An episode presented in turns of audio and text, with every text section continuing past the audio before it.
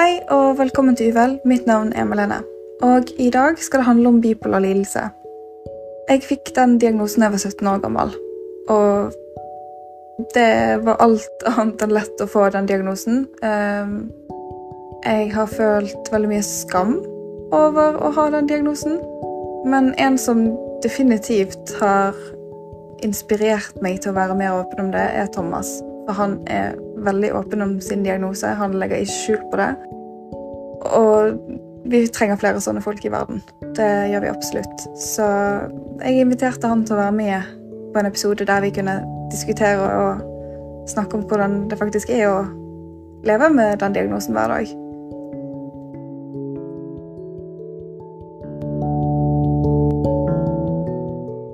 Hei, jeg heter Thomas. Jeg har eh, bipolar type 2. Jeg er 24 år gammel, og som dere kanskje hører, så kommer jeg fra Bergen. Ja, og vi har sendt hverandre i noen år. Jeg tror vi ble Jeg tror jeg møtte deg i 2017. Oi. Ja, det kan stemme. Det er sykt lenge siden. Jeg er ikke så flink med tall, nei, men uh... Nei, jeg, er- der er jeg veldig flink. Uh, irriterende flink innimellom. Hvordan um, er det for deg å ha denne diagnosen? ja, det er ganske interessant. Uh, når jeg først fikk diagnosen, så var det kanskje 2019 eller 2020. Og det føltes ut som en slags um, lettelse, hadde jeg sagt. Fordi jeg har følt på um, noe veldig rart sånn gjennom hele oppveksten av ungdomstiden og barndommen. Og jeg føler at ting plutselig begynte å falle mer på plass med en gang jeg fikk diagnosen uh, bipolar. da. Men uh, hvordan det er å ha den um, Det jeg har tenkt litt på før, er at det er nesten som å ha en hund eller en husplante eller noe. At du må vanne den, og du må liksom ta hensyn til den. Men du må ikke la den styre hele livet ditt. Hvis det gir mening. Ja, det var det, da. Det, um, det er en veldig spesiell følelse, egentlig. Ja. Prøve å liksom ikke la han uh, ta hele livet ditt. da. ja. Hvordan, hvordan hadde du sagt det for eh, deg som er kvinne, eller? Ja, det er jo et godt spørsmål. For meg føles det mer ut som en fulltidsjobb, der Mm. jeg må hele tiden drive og passe på at jeg gjør det jeg skal gjøre. Og at jeg ikke At jeg ikke bare ignorerer ting, at jeg tar det når det kommer. Mm. Men òg så føles det ut som mye farger. Ja. Og mye energi, mye følelser. Veldig intense følelser. Selv om jeg er medisinert, så er det fortsatt veldig intenst. Ja. Um, og prøve å liksom dempe det, da. Men jeg vet ikke helt hvorfor jeg demper det. For jeg tror jeg på en måte kanskje innerst inne er litt flau over at jeg har litt intense følelser. Ja. Jeg har lyst til å stille et spørsmål som bare forsvant ut av hodet mitt. Kom på, uh, så føler du at det, um, de sykdomsperiodene med uh, oppe og nede, føler du at det er mer genuint deg enn når du er i balanse? Det var et veldig godt spørsmål. Ja, det var bare litt sånn jeg tolket det du sa nå. Ja, det var et veldig godt spørsmål. Ja, men nei. ja. Altså, på en måte så føles det mer ut som meg, men samtidig så gjør det det ikke. Fordi at da vet jeg at den følelsen kanskje var litt for intens. At jeg føler på en måte at det er kanskje en overreaksjon. Mm. Men hvis jeg har en bra dag, så tenker ikke jeg sånn i det hele tatt. Da føler jeg at da er jeg meg, selv om jeg har kanskje litt sånn høy type følelse, da. ja. At du snakker litt fortere, men det går fint. Ja, jeg klarer liksom å ta meg sammen igjen og prøve å slappe litt av og prøve å senke det som skjer i hodet, da. ja. Men selvfølgelig, hvis det er noe som gjør at jeg blir veldig engasjert, så blir jeg jo helt sånn Åh! Men um, har du et spesifikt øyeblikk der du innså at, at jeg er sjuk? Jeg har jeg alltid bare følt en sånn um, utenforskap som jeg har måte, bare prøvd å leve med. Jeg har ikke på en måte sett på det som en sykdom helt. Mm. Men um, det var jo vel kanskje da de var sånn Hei, du har bipolar lidelse. Og det var sånn Å ja, faen.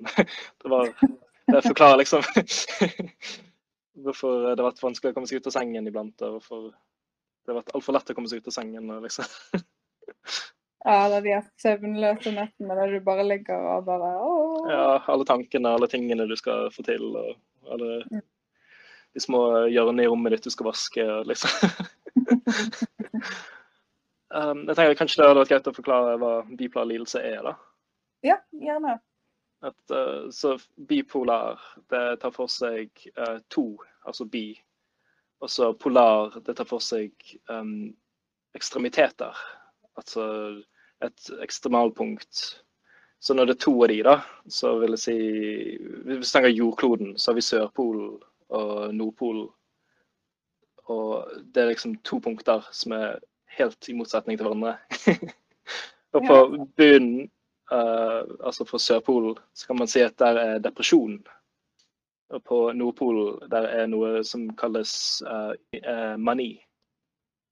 Uh, og så, ja. så, så, det med bipolar lidelse er at det svinger fra depresjon til mani. Men det går liksom ikke sånn natt og dag, så er du deppa eller manisk. Um, det tar liksom ja, mange uker kanskje med depresjon, og så plutselig bygger du deg opp til en manisk periode. da. Mm. Men det, det, er veldig sånn individuelt det òg. At mange har lengre perioder med depresjon enn uh, mani. Og noen har uh, lengre episoder med mani enn depresjon. ja, definitivt. Og jeg tror egentlig at mange mistolker det. Mm. For jeg skjønner selv at hvis jeg har sagt til noen at jeg har bipolar lidelse, så blir de sånn Å ja, så da bare svinger du på sekundet, da? Og jeg bare sånn Nei, det er ikke altså, Det tar litt mer tid enn det. Men Ja. folk tenker med en gang OK, ja, hun kan bare klikke på to sekunder. Og Ja, det Uff.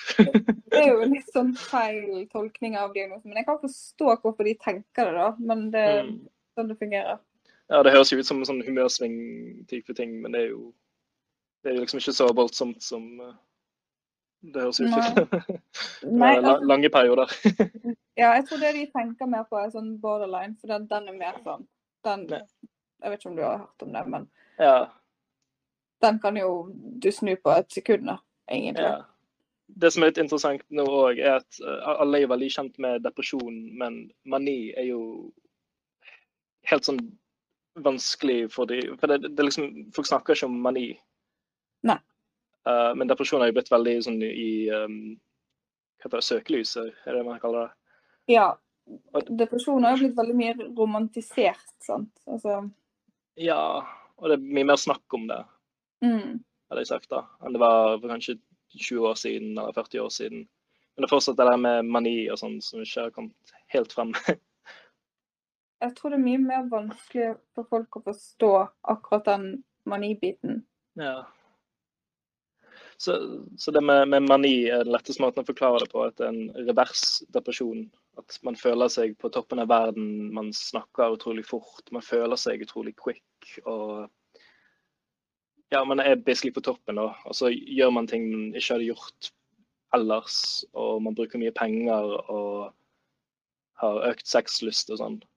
Mm. Det, jeg, jeg tror det nærmeste man kommer uh, med sånn neurotypisk type hjerne, er honeymoon face i forhold og um, fylla på byen.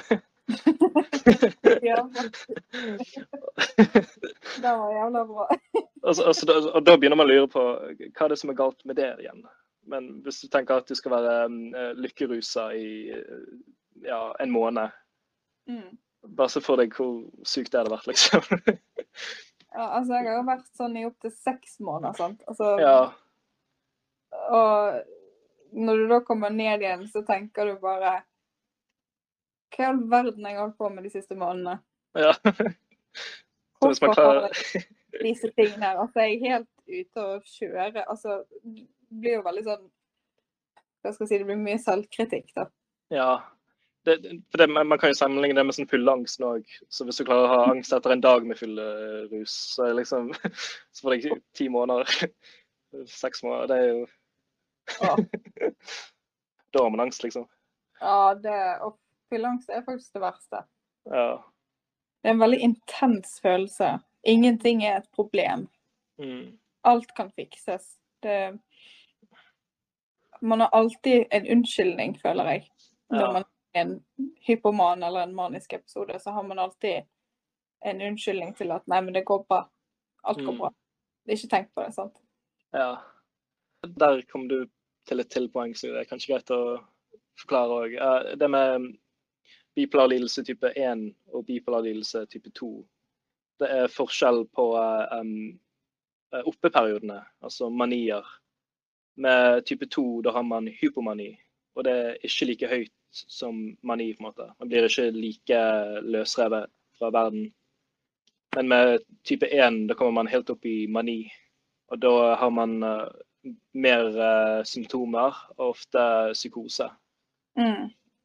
Og psykose vil si at man er um, løsrevet fra verden, at man ikke um, tolker den helt som den skal tolkes.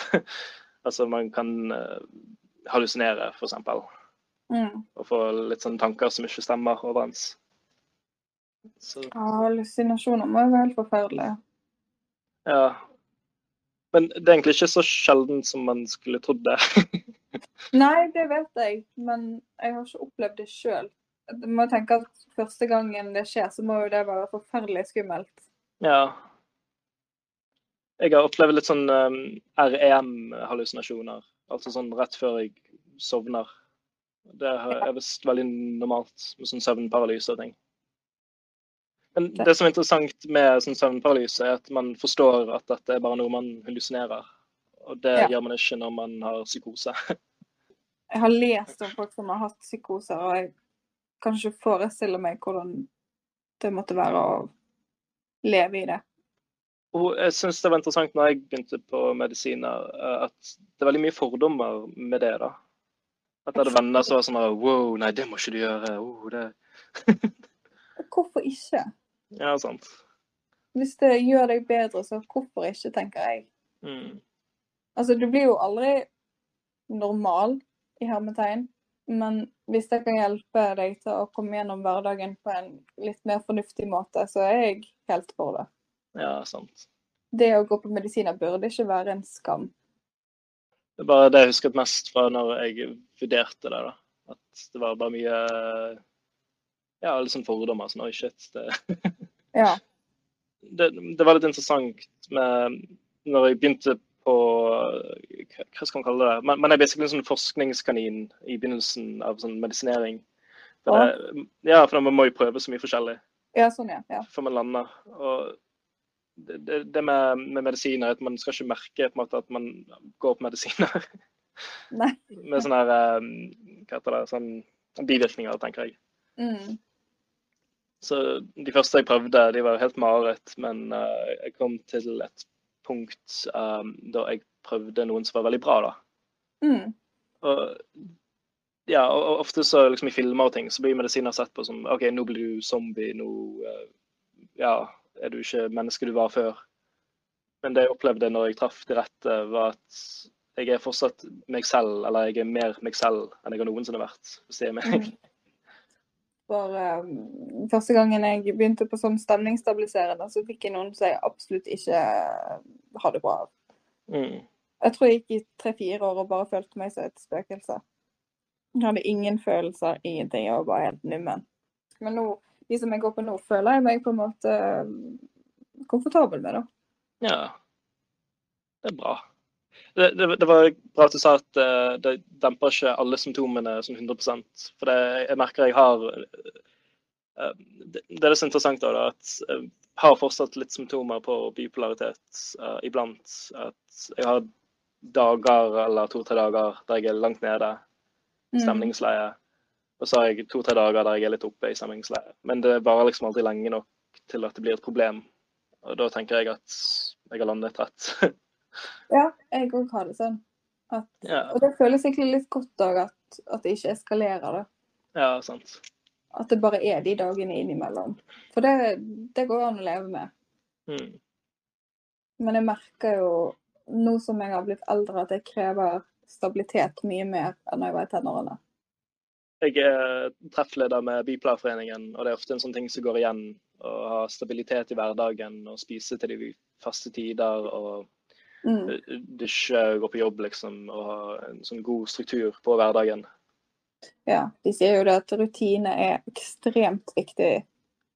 Det de også sier på uh, uh, sier at rutine er ekstremt kjedelig. Ja, jeg var jo relativt ung da jeg fikk eh, diagnosen min, så jeg var jo sånn Når de satt og snakket om at ja, du må ha rutiner, du må ha stabilitet Jeg bare sånn Nei, men jeg vil jo ikke det.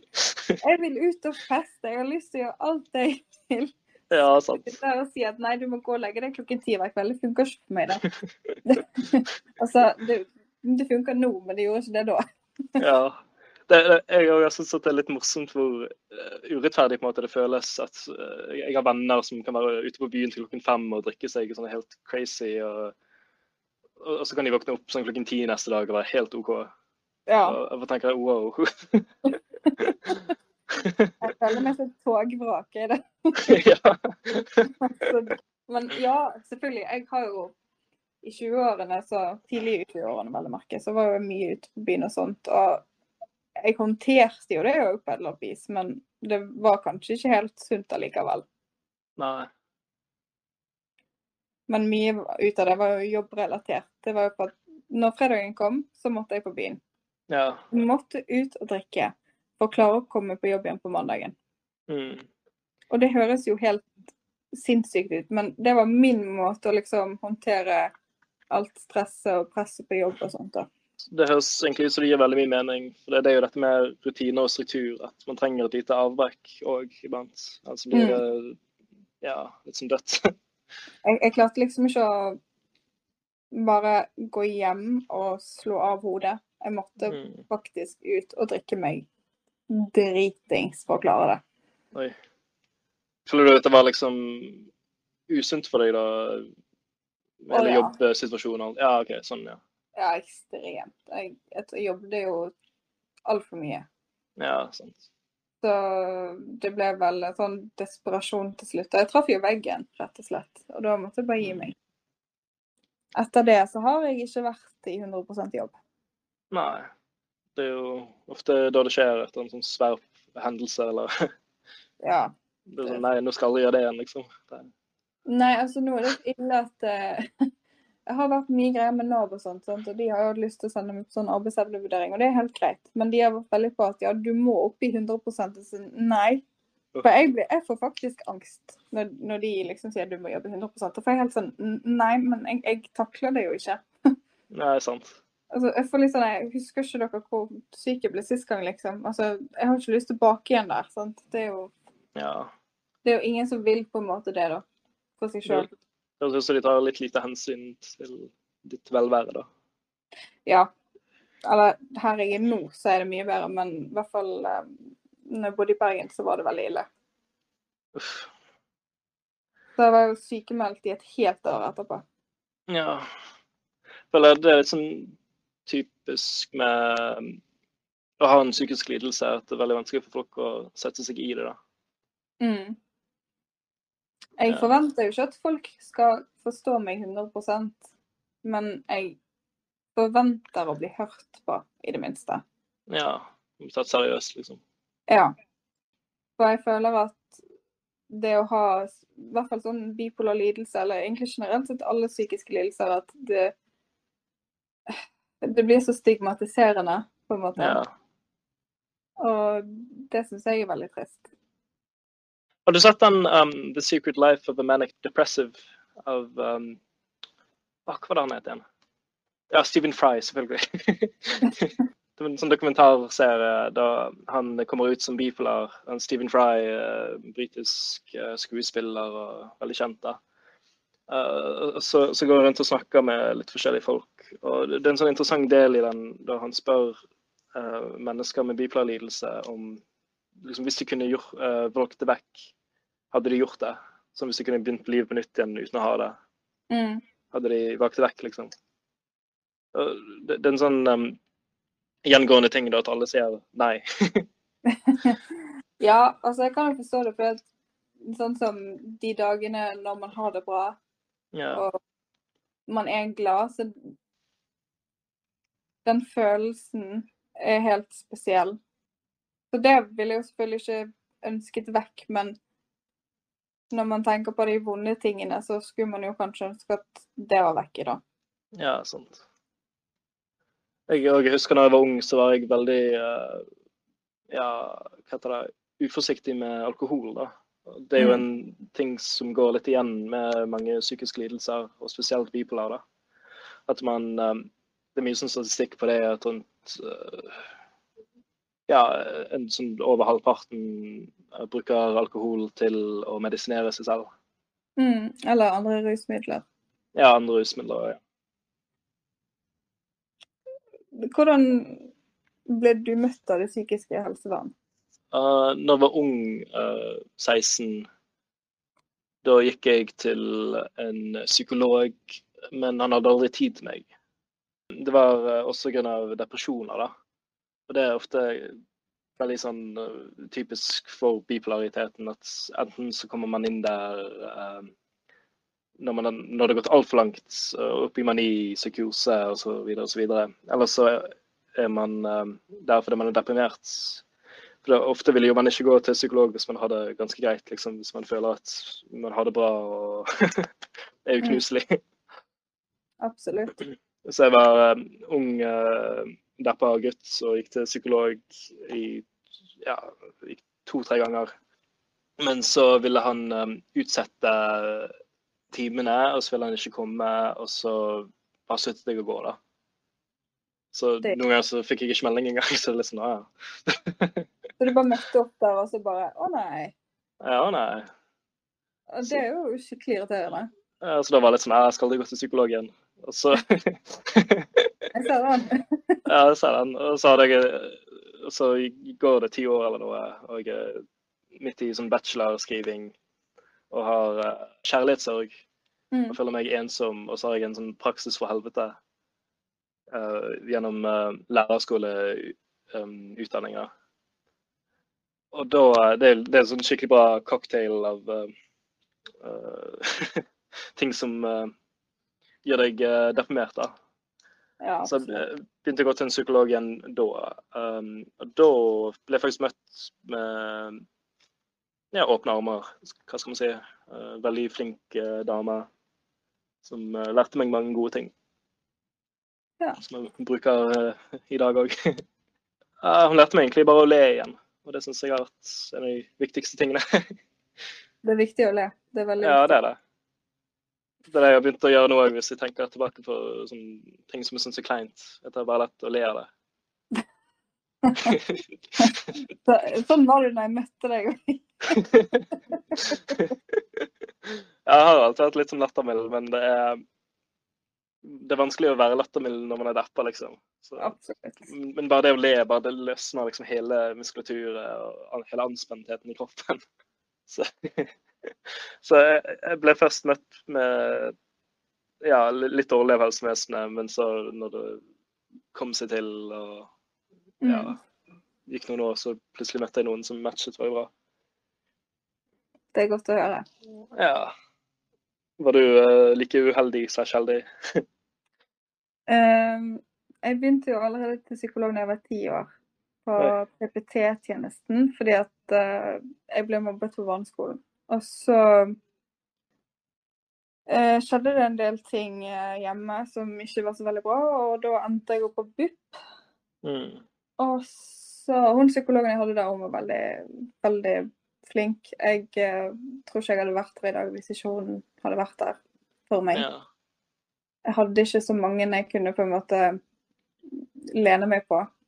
Mm. Jeg hadde veldig problemer med å stole på folk, da. Så, men de ville jo ikke sette noen diagnose på meg, så da fikk jeg på en måte ikke den hjelpen jeg trengte. Så da tok jeg det tunge valget og valgte å legge meg sjøl inn Mm. for å få en diagnose. Ikke fordi at jeg var dårlig, men bare fordi å få en diagnose.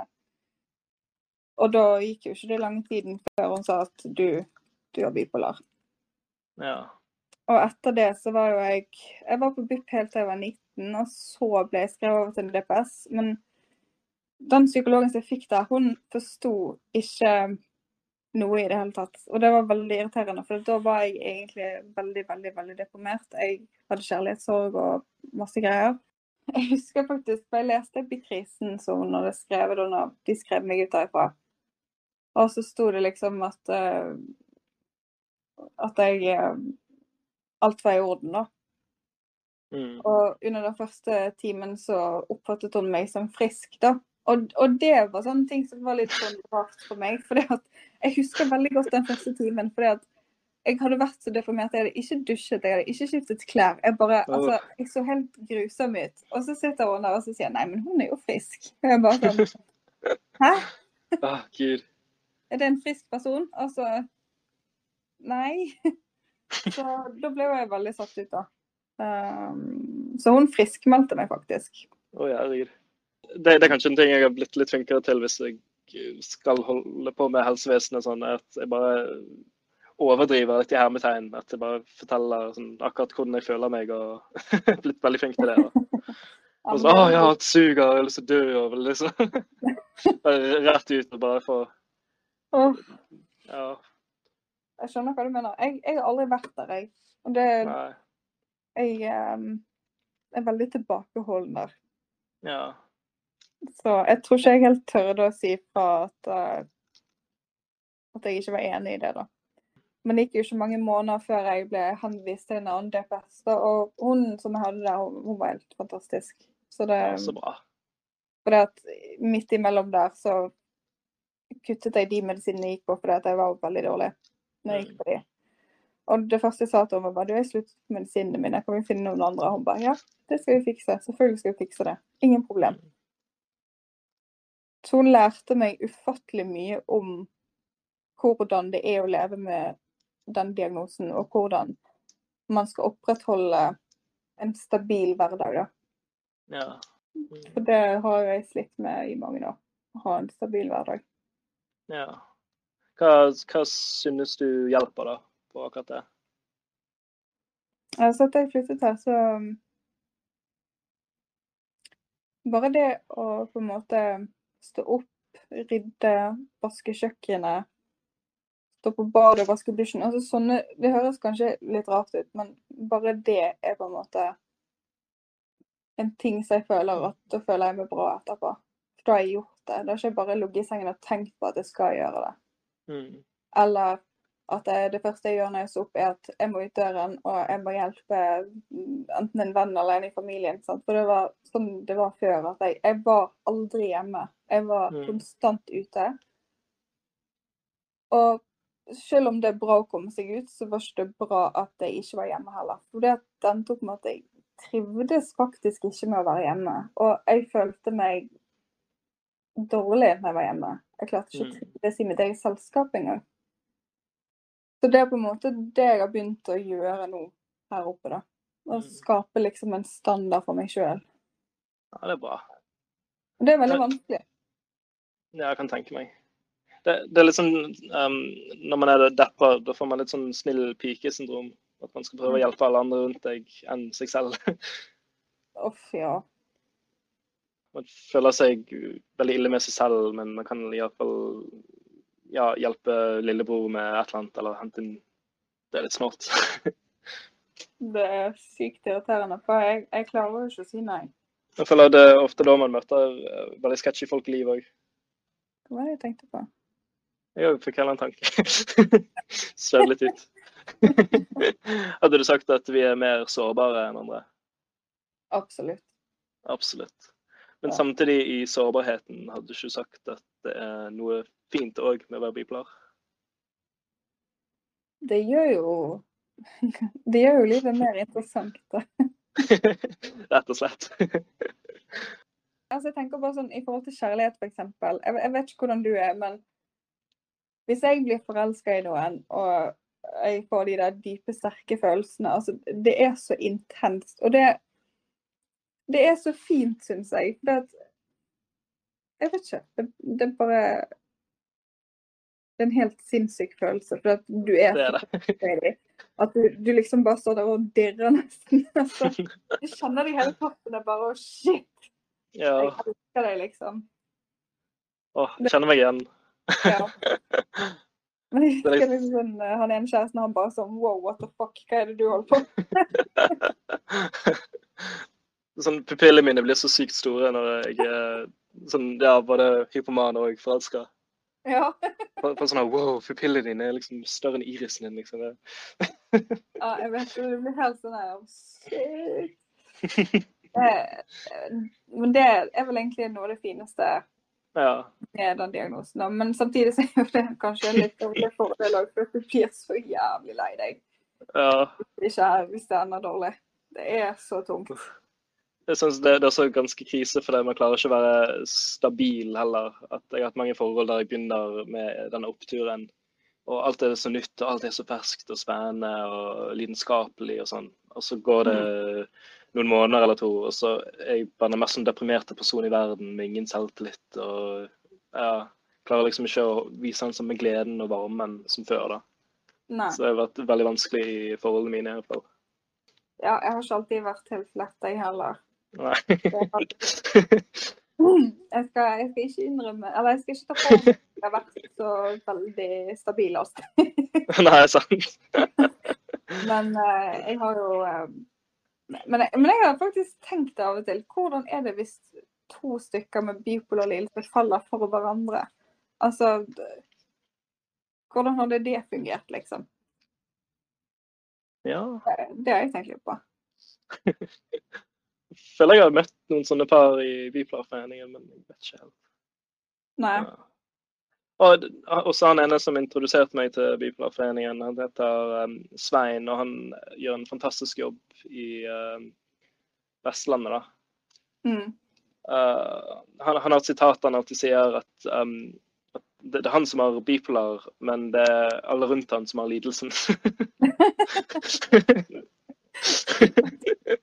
Den, den var fin. ja, den liker jeg veldig godt. Ja, den var fint deilig. Nei, altså, hva skal jeg si? Det, det er nok kanskje mye sannhet i den. Jeg tenkte på det der med, med sårbarheten, men, men samtidig godheten av lidelsen, er at jeg føler at jeg klarer å relatere meg selv mye mer til andre mennesker. At jeg Mm. føler at jeg er mye mer empatisk. Det er jo Og de har også hørt mye forskning på eh, det med intelligens og kreativitet og psykisk lidelse. Og det viser jo seg at de med bipolar lidelse har en økt um, ja, intelligens og kreativitet. Man merker det veldig med f.eks. sånn skuespillere og kunstnere. og Det er veldig fascinerende, egentlig. det. Er det. det har gjort veldig mye gøy med livet sitt. Og så tenker jeg shit, hvorfor driver ikke jeg på med noe som jeg liker å gjøre nå? Føler du liksom at, at livet ditt blir kjedelig, da? ja, jeg føler at jeg kunne brukt den tiden til å følge det jeg egentlig vil. Ja, Så det gir mening. det gir mening. Ja, det er bra. Altså, jeg har mer slått meg til ro med at, at livet mitt er sånn som det er. Ja, Men det tok mange år før jeg liksom ja, var OK med det, da. Jeg hadde jo veldig store ambisjoner når jeg var tenåring. Ekstremt. Altså, jeg lagde en tiårsplan, Oi. og da skulle jeg innen de to, ti årene ha jobb, hus, bil, unger og være gift. Var det du som skrev den, eller var det myndighetene? Nei, det var meg. Det var liksom drømmen min her i verden. Det var liksom, da hadde jeg alt. Da, da var livet mitt komplett. Ja. Jeg føler det er sånn skikkelig press fra Ja, det var liksom kulturbetinget sånn um, verdier. Det med å ha bil og familie og alt. Jeg syns det er så stressende å tenke på. Ja, men for meg har det vært veldig viktig. Jeg vet ikke. Ja. Jeg ser jo den. Men jeg tror det er fordi at jeg tenker at hvis, hvis jeg har de tingene, så, så er jeg normal. Nei, du har vel alltid følt deg litt annerledes du òg, sånn som jeg har gjort. Ja, jeg er også veldig, et veldig sånn søkende menneske. At jeg klarer ikke å slå meg til ro med bare én ting. da. Ikke jeg heller. Eksempel tidligere i år en gatekunstperiode. Så jeg har fått prøvd meg på det òg. Altså, jeg ble helt satt ut over alle de tingene du gjør. Altså Ikke sånn, men det må jo være utrolig kult, tenker jeg. Ja, ja, det er jo mye erfaringer. Ja. Det er litt deilig å få. Det, min versjon av det er, er dette her som vi holder på med nå. Det er podkasten. Ja, sant. Jeg, jeg er sånn Hvis jeg er utrolig sliten og sånn og føler meg egentlig deppa sånn, så gir jeg meg en dag i sengen bare for å komme meg på beina igjen. Ja, jeg òg gjør det. For det, jeg tror det er en ting som skiller seg veldig med um, bipolar depresjon og vanlig hermetegn depresjon. Mm. Med bipolar depresjon så blir man utrolig sånn um, fatigued, eller hva det heter. Man blir veldig sliten. Sånn utrolig Ja. sliten. Man, man sover hele tiden og har uh, hypersomni. Åh, ja, eller så har du insomnia. Jeg, men jeg sliter litt med å skille hva som er det bipolare og lipidemien. For med lipidem er det òg mye fatigue, så jeg klarer ikke alltid helt å skjønne Mm. om det er det bipolare eller om det er det som gjør det. Ja, det kan jeg tenke meg er utfordring. Altså. Det er en utfordring, men jeg vil jo si at de gangene det er med lipidemen, så merker jeg det kanskje litt mer på kroppen, da. Mm. For det har jo det med smerter å gjøre, og ikke så mye om det psykiske. Ja, for meg så jeg føler at bipolarlidelsen setter seg i hele kroppen. jeg. Men så er deppa ikke klarer å forlate sengen, så det er det liksom hele kroppen merker. Og det er liksom ikke bare i hodet at alt har gått galt. Jeg er mer sånn Alt blir så tungt. Jeg orker ikke. altså, nei, i dag bare blir jeg i sengen, og så får vi se om jeg gidder å stå opp og lage middag. Ikke alltid man klarer å spise. Ja, sant. Det, det, det, det også hele det med sanseregisteret, at man føler ikke like mye som man gjør. Og farge, eh, fargen i verden er bare dempet. Og sånn mat smaker helt ja, forferdelig. Ja, det er, det er faktisk bare ikke godt engang. Altså, ja. Men det er jo ganger jeg bare har sittet og tvunget i meg mat fordi at jeg vet at jeg trenger det. Men egentlig Ja. hadde jeg bare mest lyst til å kaste det opp igjen. Ja. Det, det er liksom den tommelfingerregel med de ekstremitetene med Nordpol og Sørpol, er at man skal alltid gjøre det motsatte av det man egentlig vil. Absolutt. Det, Det er sykt dette her. det er veldig irriterende. Når du først begynner å klare å gjøre det, så, Mm. så går det veldig kjapt over. Ja, ja, med en gang man får den strukturen tilbake, så er det god stemning. Ja. Det, men det har jo vært eh, ganger der det har tatt kanskje noen måneder før ting ble normalt igjen. da. Ja. Men uh, sånn er det vel bare. ja. Forbaska det skit. Jeg vet ikke, jeg måtte lære meg å tenke annerledes, egentlig. Å? Ja. hvordan tenker du nå, da? Jeg er mye mer positiv nå enn det jeg var før. Å, det er bra. Ja, for før så Altså, ja, jeg vet folk kommer med det der, Å, har du prøvd å tenke positivt? Mm, det er et dårlig råd, men jeg vet ikke. Jeg drev med sånn kognitiv behandling, og der går jo de veldig mye inn i tankemønstrene dine og sånt. Og Ja. det har jo hjulpet meg til å snu ting til litt mer positive ting. da. At ikke alt bare er negativt, eller alt bare er bra. At, at det faktisk Mm. er en sone imellom der, da. Der ting bare er i balanse. Ja. Det, det er jo veldig overveldende med en gang man får satt en sånn diagnose. og så sånn, å ja, ok, dette måtte være resten av livet mitt. Ja. Fy faen. Jeg tror jeg grein i tre uker. Oi. Selv om jeg visste Jeg hadde en anelse om at det var det jeg hadde, men det å få den beskjeden at dette er det du har Så jeg, jeg datt helt sammen. Ja. Jeg skal, jeg skal være litt irritert. Ja. Bare sånn. Nå er det alle disse tingene her jeg ikke kan gjøre, liksom. Det, Ja. men jeg, jeg syns det som har jobbet meg mest med sykdomsspill og sånn, har vært å gjøre ting litt mer halvveis. Ja. Det, jeg føler det er en sånn ting med bipolariteten at enten så gjør man ting 100% perfekt i sånn ekstreme grader, eller så gjør man det ikke. Mm. Men hvis man bare tvinger seg selv til å gjøre the bare minimum på de fleste ting, så pleier det å være nok.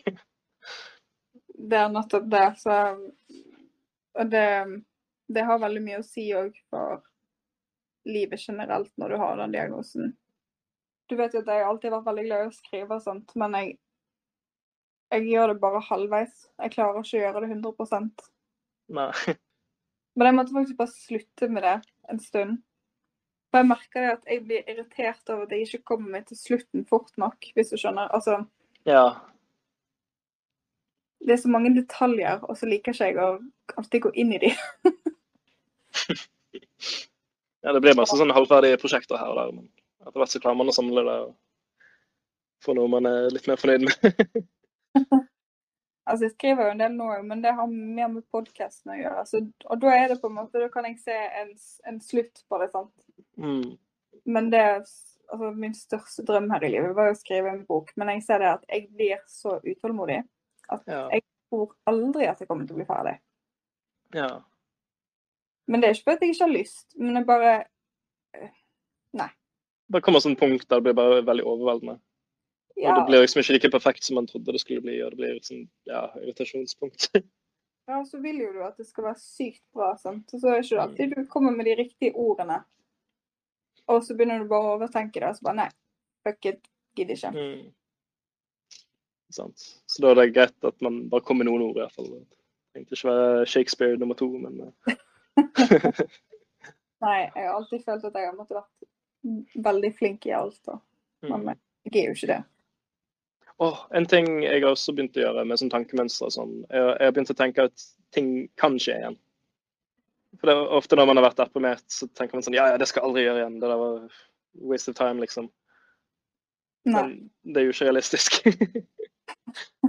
Nei overhodet ikke, men det er lett å tenke det for de om. ja. Jeg er bare forent meg mer med at ja, jeg kan bli deprimert igjen.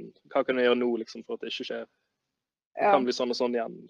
Hva kan jeg gjøre, liksom? jeg har hatt det sånn med hypomanien, egentlig. Ja. Ja, det er egentlig begge periodene. Det er liksom ingen som er bedre Eller ingen av de periodene som er bedre enn den andre, egentlig. Nei, overhodet ikke, men jeg, Det er lett å tro det, men det depresjonen kom såpass tidlig i livet mitt at, jeg, at jeg er OK med den. Altså, det går fint. Jeg føler at jeg mestrer den. Det går bra, jeg vet hva jeg skal gjøre. Ja. Men når det kommer til hypomanien, så er det sånn Jeg har ingen snøring. ja. Men det er fordi jeg merker ikke at det skjer engang. Det man sniker inn, og plutselig våkner du opp en dag med sånn kriblinger i hodebarken og tenker wow, det er så deilig å leve, liksom. Ja, livet er nydelig. Ja, og det svarer var oi, shit, dette er et faretegn. Å nei.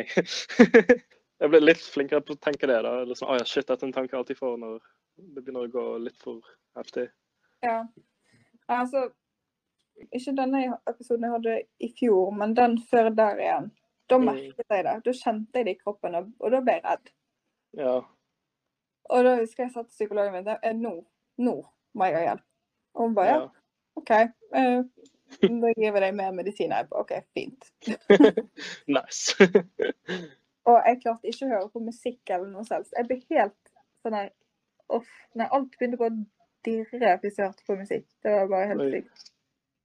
Men eh, det gikk heldigvis over fort, da. Ja, det er bra. Ja, de bare doste medisinene mine opp noe sinnssykt. Ja, det er en løsning, Dag.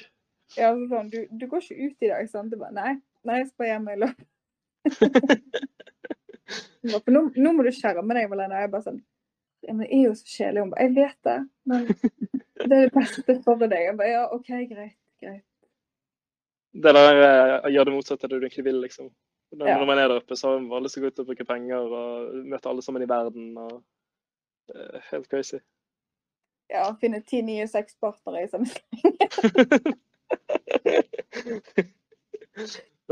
uh, Jeg håper ikke noen reagerer på at vi ler, men det er fordi at Altså, vi er så vant med det, eller ja, at vi Ja.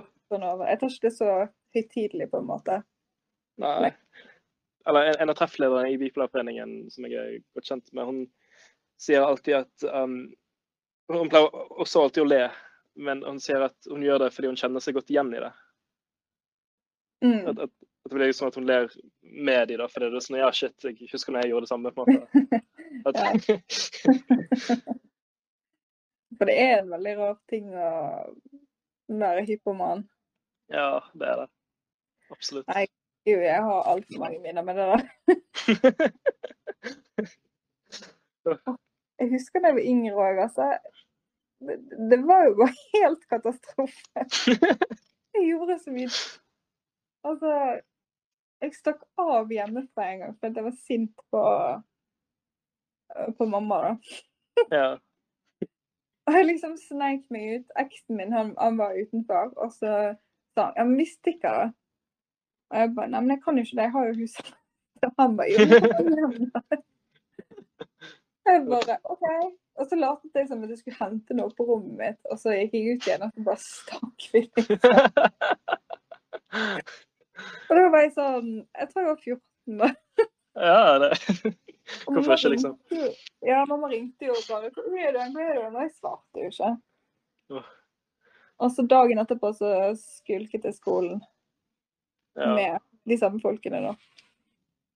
Shit, Jeg skal være på barneskolen og bare ja, litt opp i skyene. Og, så tenkte jeg på noe uh, sånn Læreren spurte om et eller annet, sånn bla, bla, bla. Så fikk jeg en sånn skikkelig latterkamp eh, fordi jeg skulle si noe sånn skikkelig morsomt. Jeg hadde sånn skikkelig latterkamp, jeg hadde ikke engang sagt noe ennå. Og alle, alle bare var helt sånn Wow, ja, ja. Nå, nå må alle være helt stille. Tom skal si noe skikkelig morsomt, liksom.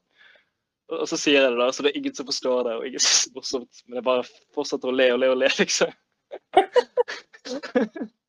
Det var bare helt sånn high på meg selv, da.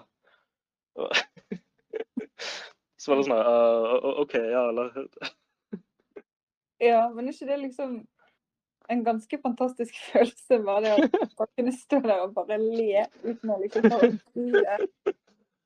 Jo, bare, bare litt sånn her Ah, shit, ti år siden og gjorde det. Det var jævlig kleint. ah, livet mitt, liksom. Jeg Så hadde en tidsmaskin. ja, jeg føler mesteparten av livet mitt har vært kleint. sånn, greier. Ja, det er liksom det. Derfor må man lære seg å le av det. det. Ja, det er ikke alltid jeg har klart å le av det, for å være helt ærlig.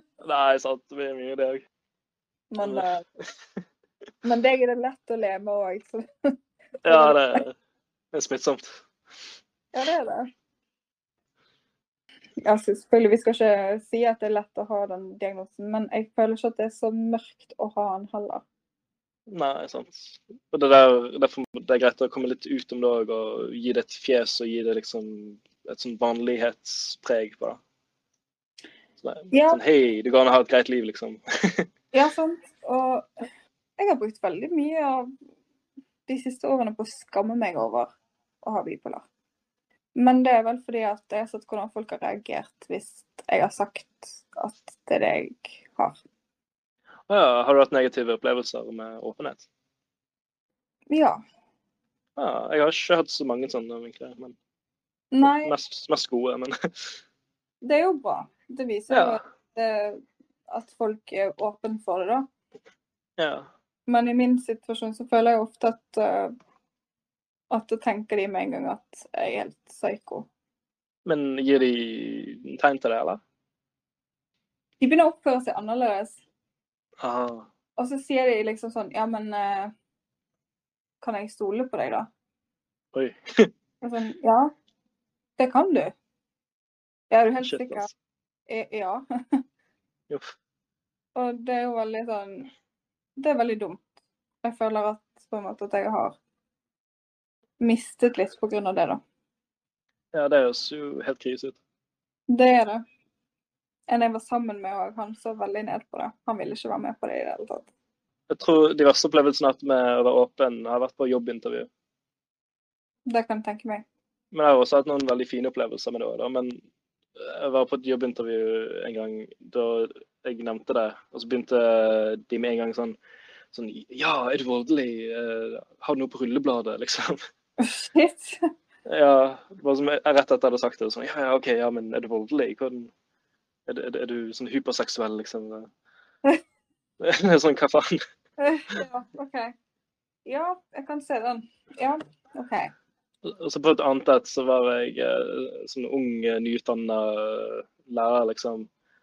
Og fikk et jobbintervju på en skole. Og så sitter jeg eh, ja, der i et bitte lite rom med tre av de hovedansatte. Sånn langt over 50 år gamle folk som spurte meg sånn Ja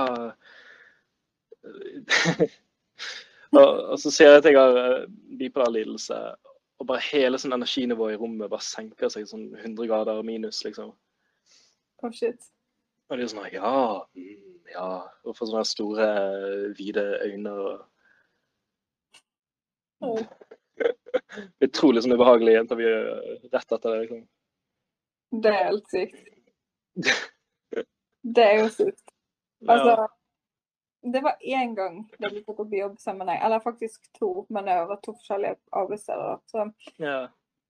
eh, når jeg var sånn eh, 18-ish, så ble jeg med på sånn her eh, kurs fra fylkeskommunen der du kunne komme deg ut i lære og masse sånne greier. ble Mm. utplassert på et hotell da. Så, men jeg skjønte jo at det ikke funket da, etter eh, et par uker. Men jeg tenkte jeg skulle fortsette tiden ut da, siden det bare var 50 Mm.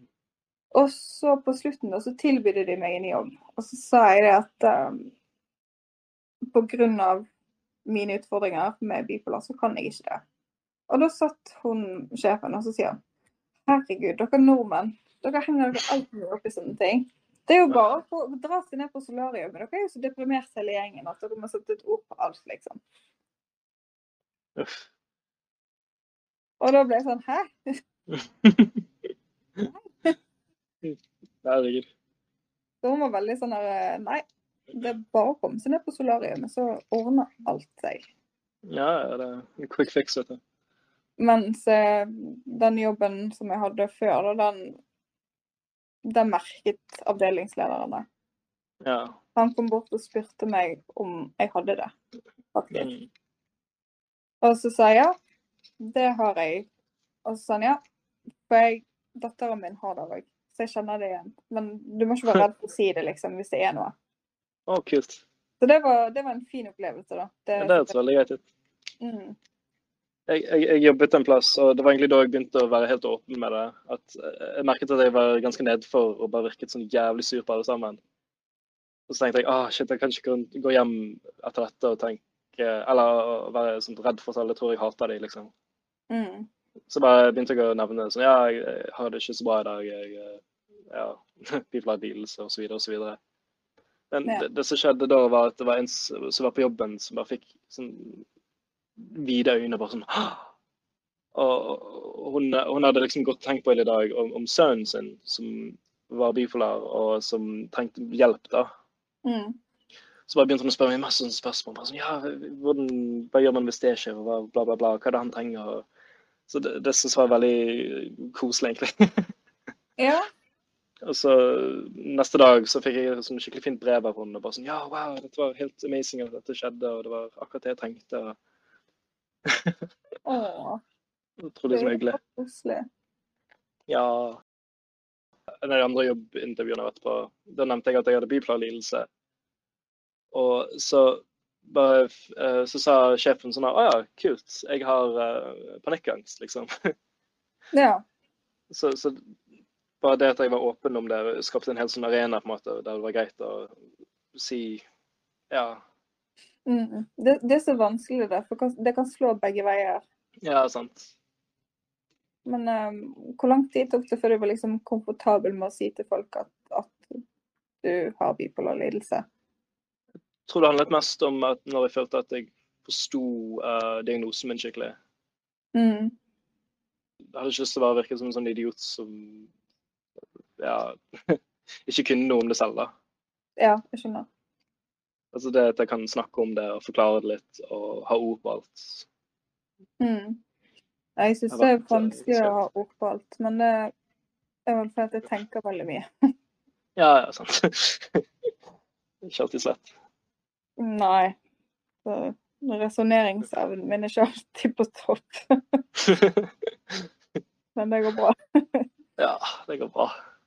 Nei, altså Jeg vil nok tro at uh, det er en veldig stor utfordring for mange å snakke åpent om det.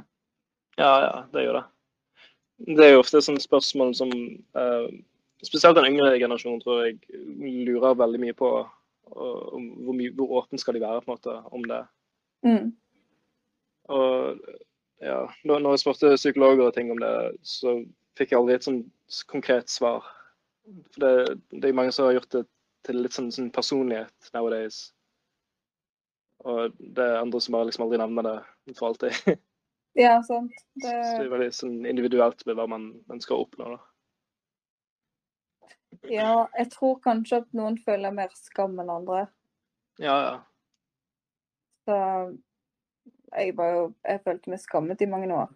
Så ja. Jeg skal ikke si så mye.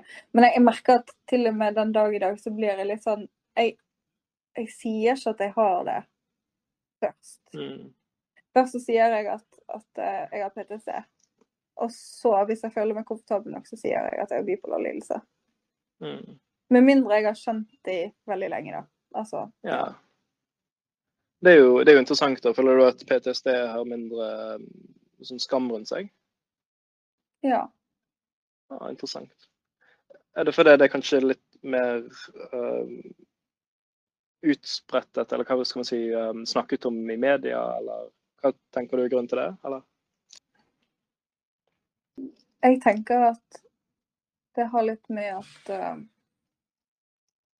PTSD er jo noe som på en måte blir påført deg, sant. Og Det, Ah, det er en grunn til at du får det. sant? Altså, noen har vært i krig, noen har blitt uh, mishandla, noen har vært gjennom helvete og tilbake igjen. sant? Og Mm. det føler jeg at folk mer kan relatere seg til. At de har blitt påført ting som kanskje ikke var så veldig greit. Ja. Uh, mens med bipolar så føler jeg vel kanskje at at folk ikke vil forstå. Mm. At de er veldig fast i sine egne meninger om det. Ja. For jeg føler at, at da får man på en måte en merkelapp. Mm.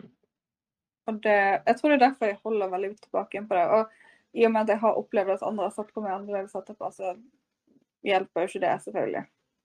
Nei, sant. Blir det sånn som arvesynden eller noe? At noe man ikke kan gjøre noe med? Sånn Mm. Og bipolar kan jo man ikke noe for heller, sant? men det blir på en Nei. Måte. Mm. For det er jo en ubalanse i hjernen, Ja. på sett og vis. da. Ja. Jeg vet ikke, jeg, føler jeg har litt radikale meninger om akkurat det, da. Men jeg føler at det er en ubalanse ifølge nåværende kultur. Ja, altså, ja. men det er jeg enig med deg i. Jeg vet ikke, jeg, jeg ser ikke på meg sjøl som en veldig ubalansert person, da, hvis vi kan si det sånn.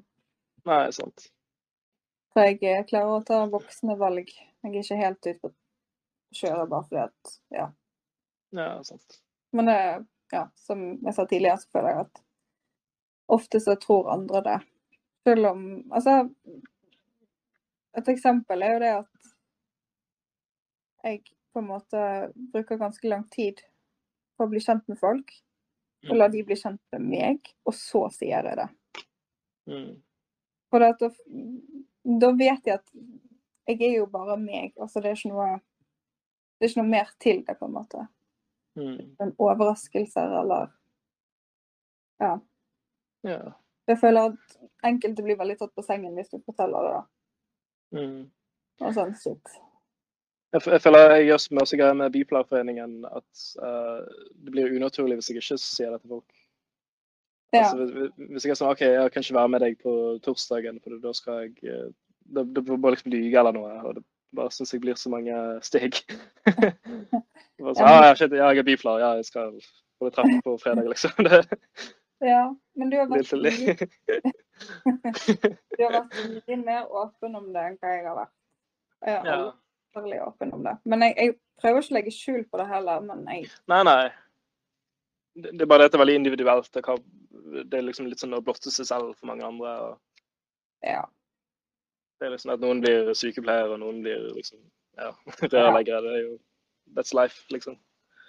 Jeg husker psykologen min alltid sa liksom Men Det er jo som å si til noen at du har diabetes. Du må jo ta medisiner for det òg. Jo, men det er ikke en sinnslidelse. det, det, er jo noe fysisk inni deg, sant. Altså, ja. Det har ikke noe med væremåten din å gjøre på, nødvendigvis. Det er litt artig uh, med Jeg føler psykologer som elsker å ta denne diabetes-sammenligningen frem når det kommer til medisiner. ja, det er sykt. Det er en klassiker. jeg tror jeg har hørt det sånn ti ganger i løpet av livet. ja, ja, ja. Herregud. Ah.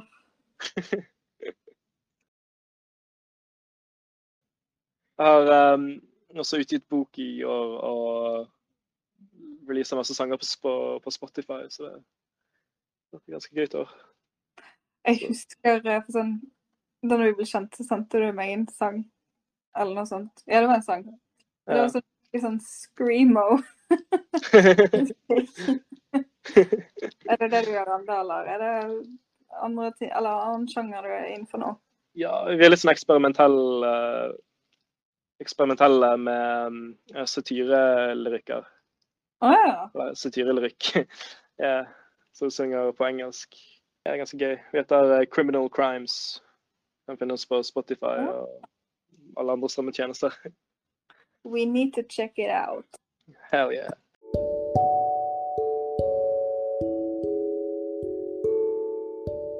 Så må jeg bare si tusen takk til Thomas for at du, at du gadd å være med. Det setter jeg utrolig pris på. Det er veldig interessant å få høre forskjellige historier med samme diagnose som jeg sjøl har. Jeg har òg lest diktboken til Thomas, og jeg må bare si wow. Den er utrolig vakker og dyster. Men jeg liker jo litt dystre ting. Og det var noen dikt der som traff litt uh, hardere enn jeg har lyst til å innrømme.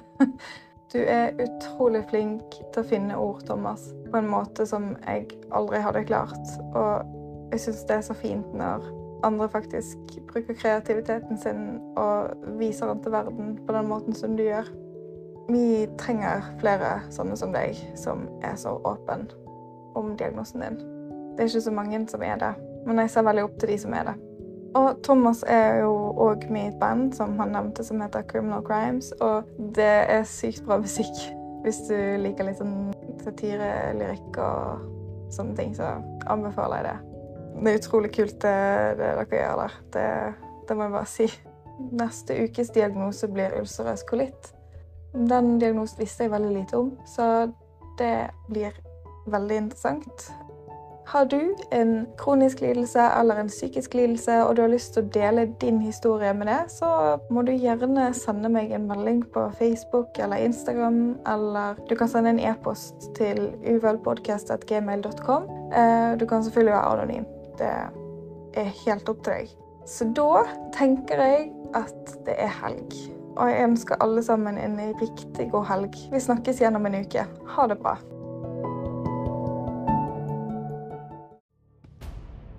tired of trying to be normal.